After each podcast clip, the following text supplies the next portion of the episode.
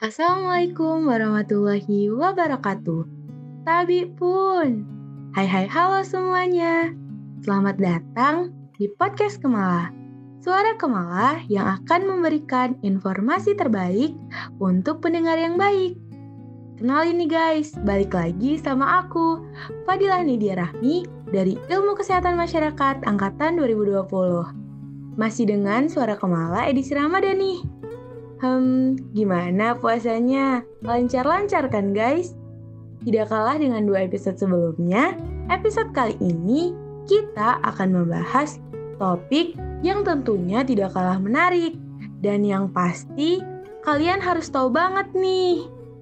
Tapi guys, sebelum kita mulai, um, ada baiknya kita kenalan dulu nih sama narasumber kita yang tentunya tidak kalah keren juga. Halo Kak Syauki. Halo Nadia. Halo semua. Oke Kak, boleh nih Kak Syauki perkenalkan diri dulu. Oke, kenalin ya. Nama kakak Ahmad Syauki Syuhada dari jurusan Teknik Informatika 2019. Wah, ternyata Kak Syauki dari Teknik Informatika nih. Ngomong-ngomong, gimana Kak puasanya? Lancar kan? Uh, terus, akhir-akhir ini lagi sibuk ngapain Kak? Alhamdulillah untuk puasa lancar. Dan untuk kesibukan akhir-akhir ini, ya sama kayak kesibukan mahasiswa biasanya lah. Sibuk tugas-tugas kuliah, urusan-urusan anak muda. Dan Alhamdulillah untuk sekarang juga insya Allah diamanahkan sebagai Ketua Umum LDF WIFI Fasilkom Universitas Sriwijaya yang pasti. Kalau untuk Nidia sendiri lagi sibuk apa nih? Uh, kalau Nidia kurang lebih gak jauh beda sih sama Kak Syauki. Sibuk kuliah, sibuk banyak tugas, sampai begadang. Oh iya kak, Kak Syauki kan uh, diamanahkan nih menjadi Ketua Umum LDF Wifi Fasilkom. Pas banget nih sama podcast kita kali ini, karena akan membahas tentang memperbanyak amal saat Ramadan. Kira-kira nih kak, amalan apa aja sih yang bisa dilakukan di bulan Ramadan, tetapi uh, kalau di bulan-bulan biasa itu jarang orang lakukan gitu kak. Contohnya apa aja sih kak? Oke, untuk amalan yang bisa kita lakukan di bulan Ramadan ya. Pastinya ada banyak sekali amalan yang dianjurkan untuk kita agar kita laksanakan di bulan Ramadan ini. Nah, salah satunya seperti kita menghidupkan 10 malam terakhir di bulan Ramadan. Karena apa? Karena di antara malam-malam tersebut terdapat suatu malam yang lebih baik daripada seribu bulan, yaitu malam Lailatul Qadar. Dan juga kita dianjurkan untuk memperbanyak tilawah, tadarus Al-Quran, Kemudian kita pun dianjurkan untuk memperbanyak sedekah, istighfar. Karena apa?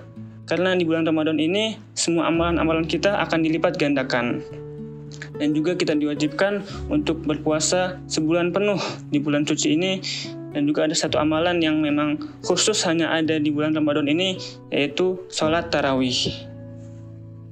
Banyak juga ya kak amalan-amalan yang ternyata dianjurkan untuk dilakukan di bulan Ramadan. Salah satunya adalah melaksanakan ibadah tarawih. Menurut kakak, gimana sih tips uh, agar kita itu tetap konsisten menjalankan ibadah tarawih. Kan ada tuh kak yang ibadah tarawihnya lancar di awal doang, tapi di akhir-akhir Ramadan malah ngilang nggak ikut tarawih lagi.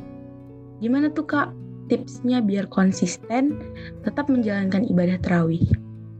Untuk konsisten ya, atau istiqomah itu kan pastinya balik lagi ke diri kita masing-masing. Nah, tapi ada nih beberapa tips dari kakak ya. Yang pertama itu niat. Jadi, niat kita yang di awal sudah melenceng, semangat kita yang udah mulai turun, kita perbarui lagi niat kita. Supaya apa? Supaya semangat kita untuk beribadah itu bangkit lagi. Jadi, ibadah kita jalan lagi. Dan juga kemudian kita kembaliin lagi stamina tubuh kita yang sudah hilang. Setelah kita berpuasa dari subuh sampai maghrib, nah itu jangan lupa ketika di waktu maghrib itu kita berbuka Jangan sampai karena kita merasa kuat, akhirnya kita berpuasa sampai jam 9. Nah, ini yang salah. Kemudian ketika kita berbuka juga jangan terlalu kenyang. Karena apa? Karena kalau misalkan kita udah kekenyangan, itu akan timbul rasa ngantuk, rasa malas. Dan kalau udah sekali ini, bisa-bisa ke depannya kita jadi terjadi kebiasaan. Nah, ini yang berbahaya. Kemudian kita pilih juga jumlah rokaat yang sesuai kemampuan kita. Kan tarawih ini ada yang 11 rokaat, ada yang 23 rokaat. Nah, itu nggak masalah. Yang penting gimana kita bisa istiqomah menjalankannya. Kemudian jangan lupa juga ketika di siang harinya kita istirahat, kita tidur siang walaupun sebentar. Supaya ketika malamnya ketika kita mau menjalani sholat tarawih ini kita ada tenaganya nggak terlalu capek. Dan juga yang harus kita ingat sebenarnya apa sih keutamaan kita sholat tarawih ini? Jadi salah satu keutamaan dari sholat tarawih ini yaitu akan diampuni dosa-dosa kita. Jadi itu ya nih dia beberapa tips dari kakak. Wah sangat membantu banget nih teman-teman tips dari Kak Shoki ini supaya kita bisa tetap konsisten atau istiqomah dalam menjalankan ibadah tarawih sampai dengan akhir Ramadan. Terus Kak, kalau di bulan Ramadan tuh kan ada ya Kak, tadarus Al-Quran. Nah, kira-kira tips dari Kak Syauki biar kita bisa hatam Al-Quran dalam sebulan tuh gimana Kak? Boleh dong sharing-sharing. Nah, pertanyaan bagus nih. Nah, kakak mau tahu dulu, jadi sebenarnya Al-Quran itu punya hak untuk dikhatamkan setiap tahunnya. Nah, bagi kita yang bingung buat nyari waktunya kapan, nah kita bisa nih manfaatin waktu-waktu di bulan Ramadan. Oke, untuk tips-tipsnya itu, misalkan kita mau hatam sekali ya dalam sebulan, atau hitungan 30 hari ya. Nah, itu kita bisa setiap habis sholat 5 waktu itu, kita ngaji dua lembar. Setiap habis sholat subuh, zuhur, asar, maghrib, bisa itu kita ngaji dua lembar. Misalkan kita mau khatam dua kali, nah itu kita ngaji empat lembar setiap habis sholat. Kita mau khatam tiga kali nih, Nah, kita ngaji 6 lembar setiap habis sholat. Atau mau lebih bagus lagi, mau khatam 5 kali. Nah, setiap habis sholat itu kita ngaji satu juz. Atau mau lebih tinggi lagi, kita mau khatam 6 kali dalam sebulan. Nah, sehari itu kita ngaji 6 juz. Dan juga kalau kita hitung-hitung, sebenarnya ngaji itu nggak lama. Buat sehalaman itu ya paling lama kita ngaji 3 menit. Itulah, pada umumnya itu paling lama ya 3 menit. Jadi kalau misalkan kita mau khatam sekali dalam sebulan itu, kita setiap habis sholat itu kita sisihin waktu 12 menit buat ngaji bisa lah pasti karena kita ya yang biasa main atau main game ya atau olahraga itu bisa berjam-jam masa kita mau nyisihin waktu setiap habis sholat 12 menit aja nggak bisa Nah teman-teman, bisa banget tuh diikutin tips dari Kak Syauki biar kita bisa hatam di bulan suci ini. Kemudian Kak, uh, kira-kira nih ya Kak, saat kita melaksanakan amalan-amalan uh, yang baik di bulan Ramadan ini. Pasti kan ada tuh kak perilaku-perilaku uh, yang bisa mengurangi amalan kita, khususnya di bulan Ramadan ini. Kira-kira menurut kakak perilaku apa aja sih kak uh, yang kalau kita lakukan itu bisa mengurangi amalan di bulan puasa ini? Nah, bener banget nih. Jadi jangan sampai kita udah puasa dari subuh sampai maghrib kita cuma dapet laparnya aja, cuma dapet capeknya aja pahala puasanya kita nggak dapet nol atau mungkin berkurang. Nah, hal apa sih yang bisa membuat pahala-pahala puasa kita ini berkurang atau bahkan sampai nggak ada nilainya? Nah, ada banyak sebenarnya.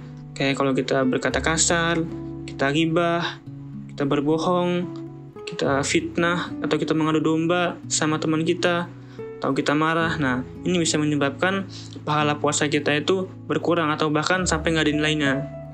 Karena kita nggak dapat esensi dari kita berpuasa. Karena kan tujuan dari kita berpuasa ini untuk meningkatkan iman dan takwa kita supaya kita bisa lebih mendekatkan diri lagi kepada Allah Subhanahu wa taala. Bener banget tuh Kak. Setuju banget nih dia sama Kak Syauki. Jangan sampai kita udah menahan lapar, menahan haus. Eh, ternyata sia-sia amalan kita. Nah, pertanyaan terakhir nih Kak. Kalau menurut kakak, caranya supaya kita itu bisa menjauhi perilaku yang dapat mengurangi amalan di bulan puasa, gimana sih kak? Oke, kalau dari kakak ya, cara kita menjauhi perilaku yang dapat mengurangi pahala puasa kita di bulan puasa ini, yang pertama kita perbanyak istighfar, perbanyak zikir, kita perbanyak mengingat Allah. Kemudian kita ingat dosa-dosa kita, bahwasanya Allah telah memberikan kita kesempatan untuk sampai pada bulan Ramadan tahun ini, bulan Ramadan kali ini. Kalau misalkan kita masih belum mau bertobat juga, butuh berapa bulan lagi, butuh berapa tahun lagi, dan juga butuh berapa Ramadan lagi supaya kita mau bertobat. Dan juga kita ingat orang tua kita yang orang tua kita ingin tuh kita menjadi anak-anak yang ayun. Jadi kalau misalkan kita melakukan amal-amal yang bisa mengurangi pahala puasa kita, pasti orang tua kita kurang seneng. Nah, kita ingat-ingat lagi di situ. Terus juga di setiap hari kita, di setiap waktu-waktu kita, kita coba penuhi dengan kegiatan-kegiatan yang bermanfaat. Karena kalau misalkan tidak kita isi dengan kegiatan yang bermanfaat, nah itu akan terisi dengan kegiatan yang tidak bermanfaat. Sip, bener banget kak. Jadi setuju banget. Lebih baik kita ganti perilaku-perilaku yang buruk itu dengan perilaku-perilaku yang lebih positif. Nah, sebelum kita tutup podcast ini, uh, boleh nih kak, Kak Syauki kasih patah dua patah kata atau closing statement lah untuk nutup podcast kita kali ini. Sedikit ya pesan-pesan dari kakak, sekaligus menjadi reminder juga buat kakak. Jadi yang perlu kita ketahui bahwasanya yang, ke, yang kedua orang tua kita inginkan itu bukan cuma sekedar anaknya yang sukses, tetapi kita juga menjadi anaknya yang kurta ayun, yang bisa menjadi penyejuk hati bagi mereka. Nah, apa sih makna dari kurta ayun ini? Di maknanya itu kita menjadi keturunan yang taat sehingga dengan ketaatan kita dengan ketaatan kita itu akan membahagiakan kedua orang tua kita baik itu dunia maupun akhirat jadi kalau misalkan kita beribadah nih pasti orang tua kita lebih tenang lebih sejuk niatnya dan juga yang perlu kita sadari yang perlu kita ingat bahwasanya sebagai seorang anak sebagai seorang mahasiswa kita punya kewajiban kita punya amanah untuk belajar kita penuhi kegiatan-kegiatan kita dengan kegiatan yang bermanfaat. Dan kalau misalkan kegiatan kita ini kita niatkan untuk ibadah, insya Allah itu di mata Allah juga akan bernilai ibadah. Dan juga sebagai seorang pemuda, kita ini harus berjuang demi masa depan di mana kita akan hidup. Jadi mau berapa tahun lagi, berapa umur lagi kita korbankan cuma untuk foya-foya. Jadi itu yang harus kita renungi, yang harus kita ingat-ingat kembali. Wah, wah, wah. Keren banget nih closing statement dari Kak Shoki. By the way, makasih banyak ya Kak udah ngeluangin waktunya untuk bisa jadi narasumber di podcast Kemala kali ini. Dan juga terima kasih untuk teman-teman semua yang udah setia dengerin podcast Kemala dari awal hingga akhir. Bagi kalian yang suka, jangan lupa like dan share ke teman-teman kalian juga ya, biar makin banyak nih yang dengerin suara Kemala. Terus pantengin episode Suara Kemala selanjutnya. See you guys. Semangat puasanya. Wassalamualaikum warahmatullahi wabarakatuh. Thank you.